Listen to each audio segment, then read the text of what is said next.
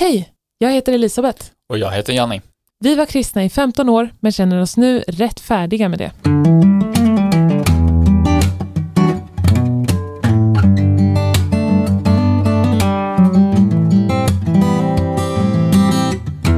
Välkomna till det sjunde avsnittet av vår podcast Rättfärdig. Idag är det den 19 juni och vi ska prata om kändispredikanter.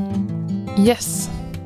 Så till att börja med så tänkte jag fråga, när du pratar om kändispredikanter, vad är det du menar då? Hypade predikanter som reser runt till olika församlingar och ja, de predikar såklart, för de är predikanter. Mm. Eh, Men ofta så har de också någon form av tjänst, som det kallas.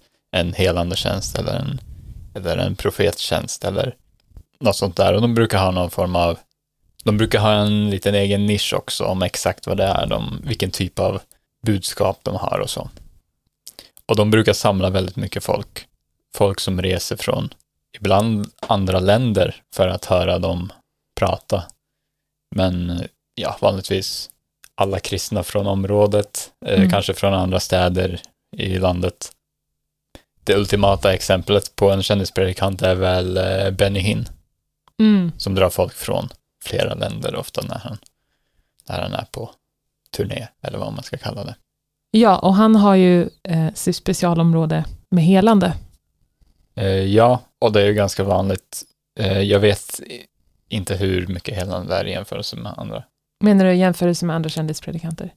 Ja, Det borde det finnas som håller på med annat. Typ som specialiserar sig på att profetera eller sådana grejer. ja, det tror jag. Men många kändispredikanter lite inne där och fingrar i helande. Ja, det är väldigt vanligt. Men jag är nyfiken på att höra, vad tänkte du om kändispredikanter när du var kristen? Jag tänkte att det var lite överhypat. eller liksom, vi är alla bara människor. Vad är det för speciellt med dem? Okej, man kan ju ha en unik kallelse, tänkte jag. Eh, nu går jag in i mitt kristna jag.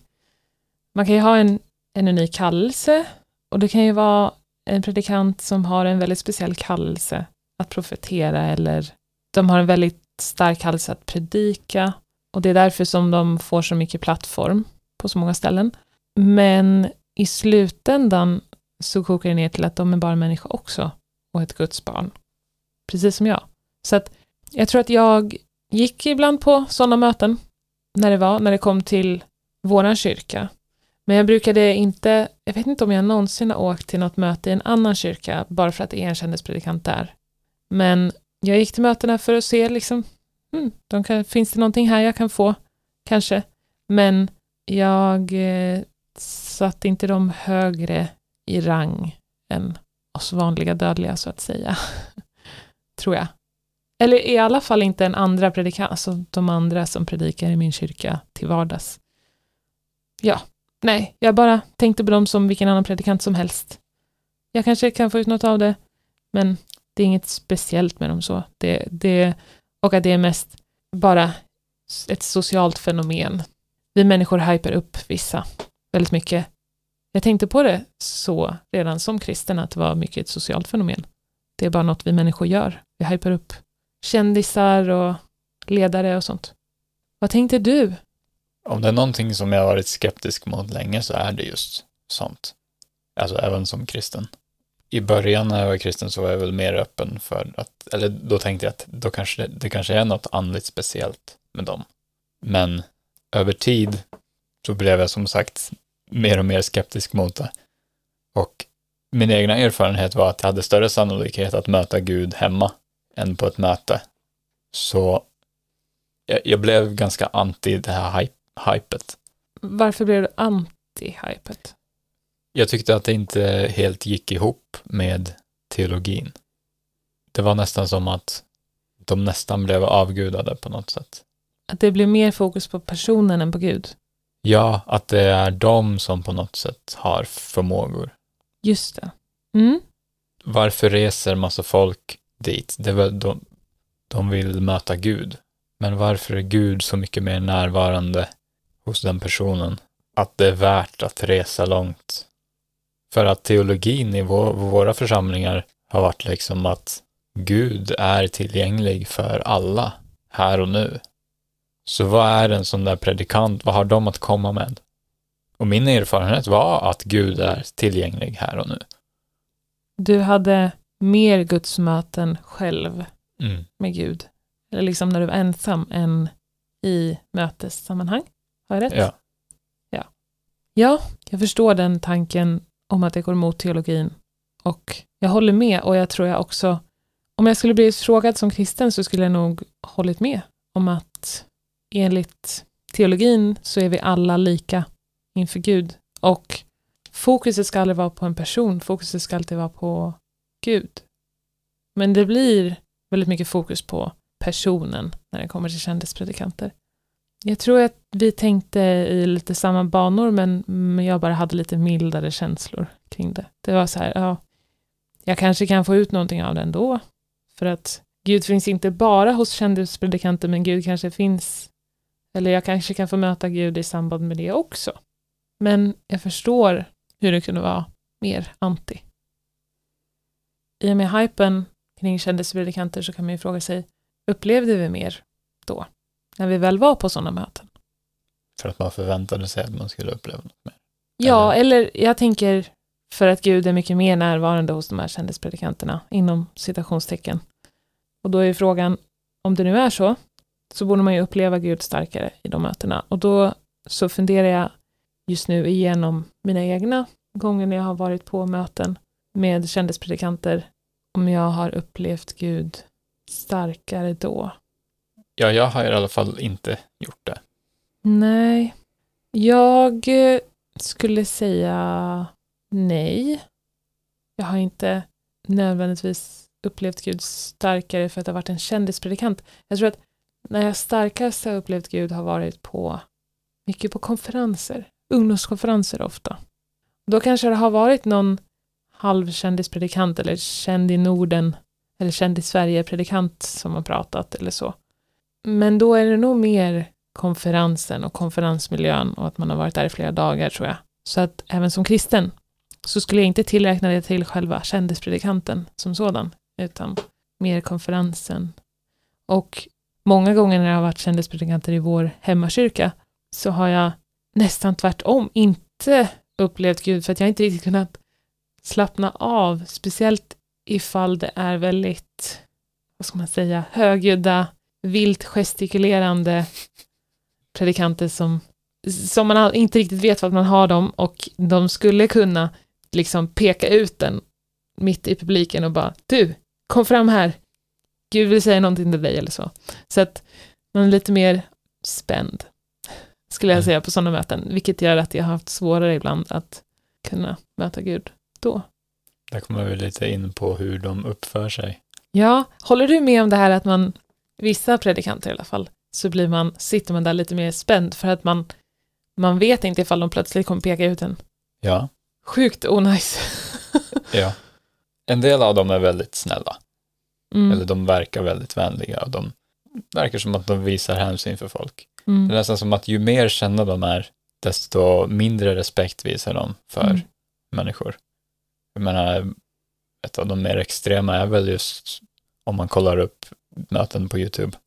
Någon kommer upp och vill ha förbön, de säger att de har en nackskada mm. och så börjar han att rycka i deras huvud när de ber för dem. Ja, Det känns helt sjukt nu. mhm. Vad tänkte vi om sånt som kristna? Oh, oh, det, det kröper mig när jag såg sånt, alltså som kristen också. Men som kristen så hade jag inte lika mycket försvar mot att det där är inte bra.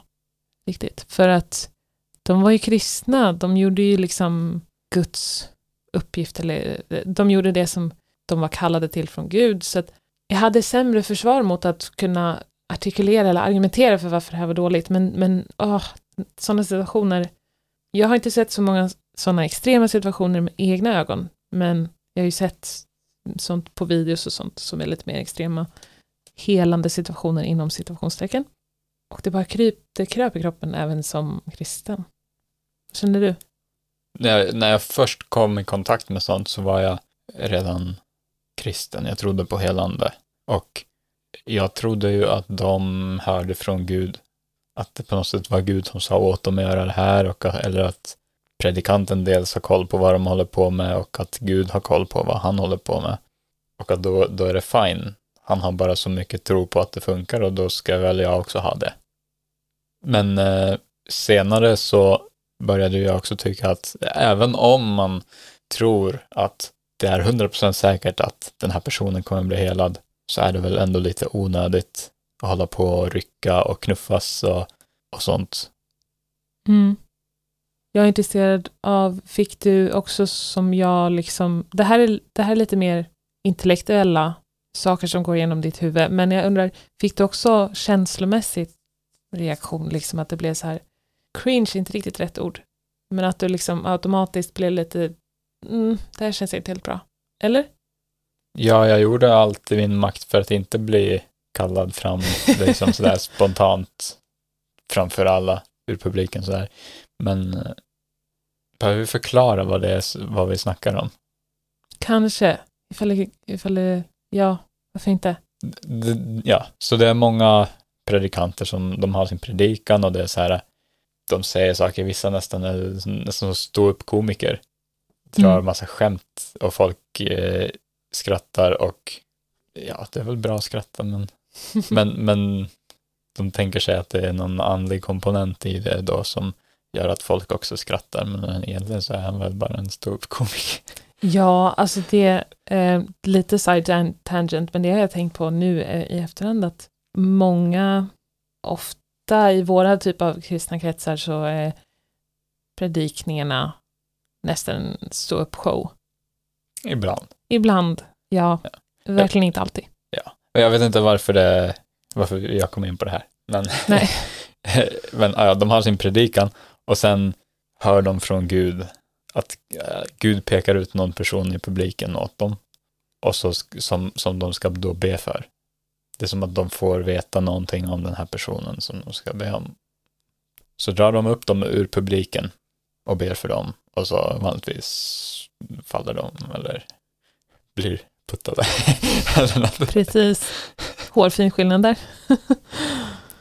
ja, jag vet inte riktigt, jag, jag vet inte hur det funkar idag. Faller folk frivilligt? Jag tror, jag... Lurar folk sig själva till att falla?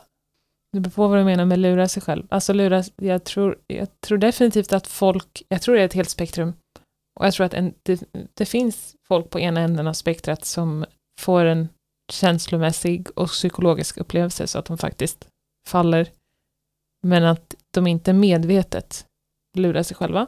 Sen finns det kanske lite mer medvetet liksom upp till andra änden av spektrat där folk faller för att det förväntas av dem och de känner ingenting men det är liksom, ja, pressen av att vara där inför alla människor, alla förväntar sig att de ska falla ner en extrem eh, grupppress. Upp till andra änden av spektrat som är att folk inte känner någonting och inte vill låtsas och bli knuffade. Jag tror det finns hela änden av spektrat. Vad tror du? Det låter rimligt. Och sen har vi de som jag som gör allt för att inte falla, för att om jag faller då ska det minsann vara Gud som gör det. Exakt, det är det jag menar som är på den här änden av spektrat. Och då, ifall det är en väldigt respektlös predikant, så knuffar de en då. Du har aldrig blivit knuffad?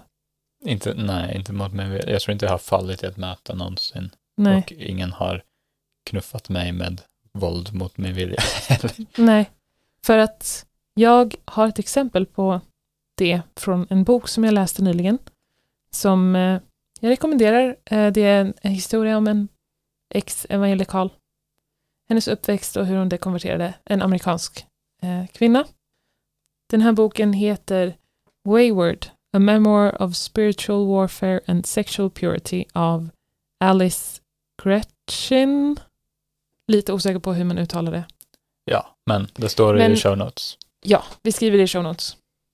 Så här skriver hon om där hon som barn blev knuffad. Så det här är i kapitel 2, Signs and Wonders. Perhaps no one was more famous for pouring out the wine of the Spirit than evangelist Rodney Howard Brown. I was 10 when my parents took me to see the self-proclaimed Holy Ghost bartender. Jag tycker det var så roligt sätt att säga det på. Rodney Howard Brown was known for his ability to channel God's sense of humor, and spirit-led fits of the giggles interrupted the schedule of many a conference where he was present. The mass giggle fits were called holy laughter. When Dad encouraged me to receive prayer from the man who could send people howling to the floor with the point of his finger, I knew that if the Holy Spirit would slay me through anyone, it would be him. För att den här författaren, eh, den här kvinnan, har också, lite som du, inte upplevt någonting. Hon har sett alla andra falla till golvet men aldrig upplevt någonting själv. Så det är bakgrunden till det här. Men hon, eh, hon vill att det ska hända. Hon vill ju bli på riktigt eh, att Gud ska få henne att falla. Mr Howard Brown was puffy-chested and red-faced with a thick neck constrained by a tie. He doled out holy laughter from the stage as I made my way toward him, watching with nervousness as people were yanked backward by an invisible force. They landed on the floor in breathless states of delirium. I worried being slain might hurt, but Mom told me it didn't because God cushioned people's bodies supernaturally when they fell. I reached an opening that allowed Mr. Howard Brown to see me. He seemed excited to spot a child among the throng of adults. Motioning me up the center stairs leading to the stage he stood on. I was almost to the top when his meaty hand fell on my head and stopped me. I stood with my arms limp at my side, focusing on Mr. Howard Brown's belt buckle. It felt like everyone's eyes were on me. Bless your little one, Lord, Mr. Howard Brown said into the mic. Then he launched into a repetition of words inviting the Spirit to slay me. More new wine! Yes, Lord! The power of God! The fire of the Holy Ghost! Yes, Lord! Yes, Lord! Yes, Lord! I waited for the rush of the Holy Spirit that I was sure would hit me any second. It felt like minutes passed, but I knew I was taking longer than anyone else had to fall. Mr. Howard Brown's voice grew louder, as though he commanded the spirit to hurry up. The weight of his hand forced my head back into an awkward angle, and my neck muscles started to ache. I scrunched up my shoulders to relieve the pain, but it wasn't enough. I stepped down one stair. Mr. Howard Brown's hand moved with me. Then I realized his pressure was deliberate. I barely finished the thought when my neck gave way under his sudden force. Mr. Howard Brown's fingers pressed into my temples as he crushed me like a soda can, causing purple stars to blind me and a searing pain to shoot from the base of my skull through my neck. I crumpled on the stairs, my hands and knees landing on different steps. My vision came back in pulses. Humiliation coursed through my body in hot waves. Or was it anger? I strained to look up at Mr. Howard Brown, desperate to hope that maybe it had been an accident and he'd apologize for hurting me. He was in the middle of celebrating God's power. Hallelujah, he said. Glory to God. Thank you, Jesus. Then he looked down at me. His eyes seemed to glare with a warning, as if to say, Make me look good. Maybe I imagined it. Maybe I misread the slight raise of his eyebrows, or mistook the snarl in his lip for a threat. Whatever I saw, it compelled my body to respond with automatic obedience. I quickly lay myself on the steps, closing my eyes as I had seen all of the others do before me. I did not laugh. When it felt like enough time had passed, I quietly made my way back to my chair and decided never to tell my parents what happened. Who would believe that a famous pastor had pushed a little girl down a flight of stairs? There was another reason I didn't want to say anything. If anyone knew the Holy Spirit hadn't been the one to push me over, they'd know there was something wrong with me. There must be something wrong with me. Everyone else had been slain in less than a minute. Det var dramatiskt. Ja, det var dramatiskt. Jag har inte heller varit med om något så dramatiskt, men åh, det var jobbigt att läsa den där biten när, när jag läste den boken. Hon var tio år liksom. Så det här är till exempel på att det händer att predikanter knuffar folk för att de ska falla i anden inom situationstecken. Jag kan tänka mig att ju mer känd predikanten är, desto mer press har de. De kanske känner också en press att, Att leverera liksom.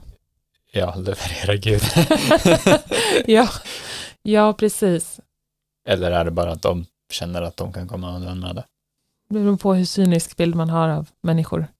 Jag vill ju tro att folk generellt sett inte har dåliga avsikter, men jag tror att det finns predikanter som inte har goda intentioner. Jag tror de också är på ett spektrum. Mm. Jo, det tror jag också. De som bara är ute efter pengar och respekt. De, Och de som faktiskt tror på det de säger. Ja, det tror jag också. Men de som bara är ute efter pengar och fame, för dem maker det ju sens att knuffa någon för att det ska se ut som att Gud verkar genom dem. Men jag eh, tror att jag har kommit undan från sådana, men jag brukar inte heller vilja gå fram oftast när det var kändispredikanter, så att det kan vara därför som jag har sluppit undan det. Men jag har ju gått fram ibland och alltså det, det mesta som jag har varit med om det är bara att någon, att den som ber för mig liksom, mm, vad ska man säga, trycker lite Mm. på huvudet. Men jag har aldrig blivit knuffad. Eh, Men det, men det borde väl du också ha varit med om, eller? Att någon Ja då. liksom eh, trycker lite på huvudet ändå. Ja. Jag har varit som mest typ att du måste ta ett extra steg bakåt. Typ. Men eh, jag kommer att tänka på, tänk om det är just det att de är kändispredikanter och de reser runt gör att de, de kan hålla på att knuffas. Medan eh, en pastor i sin egen församling kanske inte vill knuffa sina egna församlingsmedlemmar som han hela tiden träffar regelbundet. Mm, det är en poäng. Precis, men om man reser därifrån så kanske man är lättare att komma undan med det. Precis, det är bara massa folk som du aldrig mer kommer att se. Mm. Mm. ja. Alltså, eh, jag har fallit några gånger i möten under förbön. Kanske. Så att jag kan räkna det på en hand liksom. Totalt. Och jag skulle säga att jag var lite i mitten av spektrat typ. Att jag, jag vet inte, lite halvt medvetet, lite halvt omedvetet. Det har liksom varit i situationer där jag har förväntat mig att Gud ska röra vid mig. Och så har jag liksom, när förebedjaren kommer, jag vet, det- åh, jag vet fortfarande inte idag efterhand om jag har liksom släppt, låtit benen falla ihop med flit eller inte. Det är verkligen så halvt medvetet, halvt omedvetet. Det har inte varit helt omedvetet, men inte heller varit så här, ja nu ska jag fejka att jag ramlar ihop, woho! Jag har väntat mig att Gud ska röra vid mig och så har jag liksom så här släppt taget och så, okej Gud, let's go, typ. Jag vet inte. Men jag har aldrig i alla fall fallit under förbön helt liksom, Helt ofrivilligt. ja precis. Det har jag aldrig upplevt. Det är ju väldigt intressant hur det kommer trender, inom citationstecken, av hur Gud manifesterar sig i Mhm. människor. Är inte det intressant? Hur menar du då? Eh, som vi pratar om i den här boken till exempel så kom det en våg med holy laughter. Att folk eh, börjar skratta i den helige ande. Och det är olika trender också inom olika tidsmässigt men också platsmässigt. Olika trender i hur Gud manifesterar sig. Och, och, och det här med att falla i anden är specifikt till en viss typ av kristenhet i tid och i rum så dyker det upp trender i hur Gud manifesterar sig. inte det lite intressant? Mm. Varför är det rimligt att tänka, om nu Gud finns, att, att hans manifestering hos människor blir trend, liksom blir, går, går i trend? Borde det inte vara mycket mer individuellt hur han möter människor? Det var ju en eh, stor skillnad när jag bytte församling från min, min gamla församling till den där du gick. Att det var på ett annat sätt. Folk betedde sig, inte helt annorlunda, men ganska annorlunda liksom när de, när de mötte Gud. Visst, det var tungotal på båda ställen, men min gamla församling så var det, det var en pingstförsamling, det var nästan aldrig någon som föll. Det är det jag menar. å andra sidan så, som kristen så tänkte jag ju att de faller inte för de, de har inte tro på att Gud är så närvarande Mhm. i vardagen. Det hände ibland att någon kunde falla, Mm. men det var så här, det hände en gång per år Mm. eller något sånt. Och eh, de hade inte nödvändigtvis tro på att Gud regelbundet idag faktiskt helar folk. Och eftersom de inte hade tro på det så försökte de inte det. få det och så fick de det inte. Det var det, det var det som var min förklaring på det. Men Mm. Ja. Men vad tänkte du när du kom till församlingen där vi träffades? Som kristen, vad tänkte du om att falla? Tänkte du att det var på riktigt eller? ja, i Mm. alla fall, eh, Du tänkte inte att folk fejkade det då som kristen? Nej det gjorde jag inte. Jag Mhm. tror fortfarande inte att alla fejkar. Jag har svårt att tro att alla skulle fejka. Ja, samma här. Det skulle vara en väldig konspiration. Så du tänkte bara att, du tänkte att det var på riktigt, det var den helige ande, men bara att av någon anledning så hände inte det dig. Ja, jag tänkte ju ofta att det var något fel på mig. Mm. Jag kan ha sagt något om det i ett tidigare avsnitt också, jag minns inte. Men Jag tror du pratade lite om det i första avsnittet åtminstone.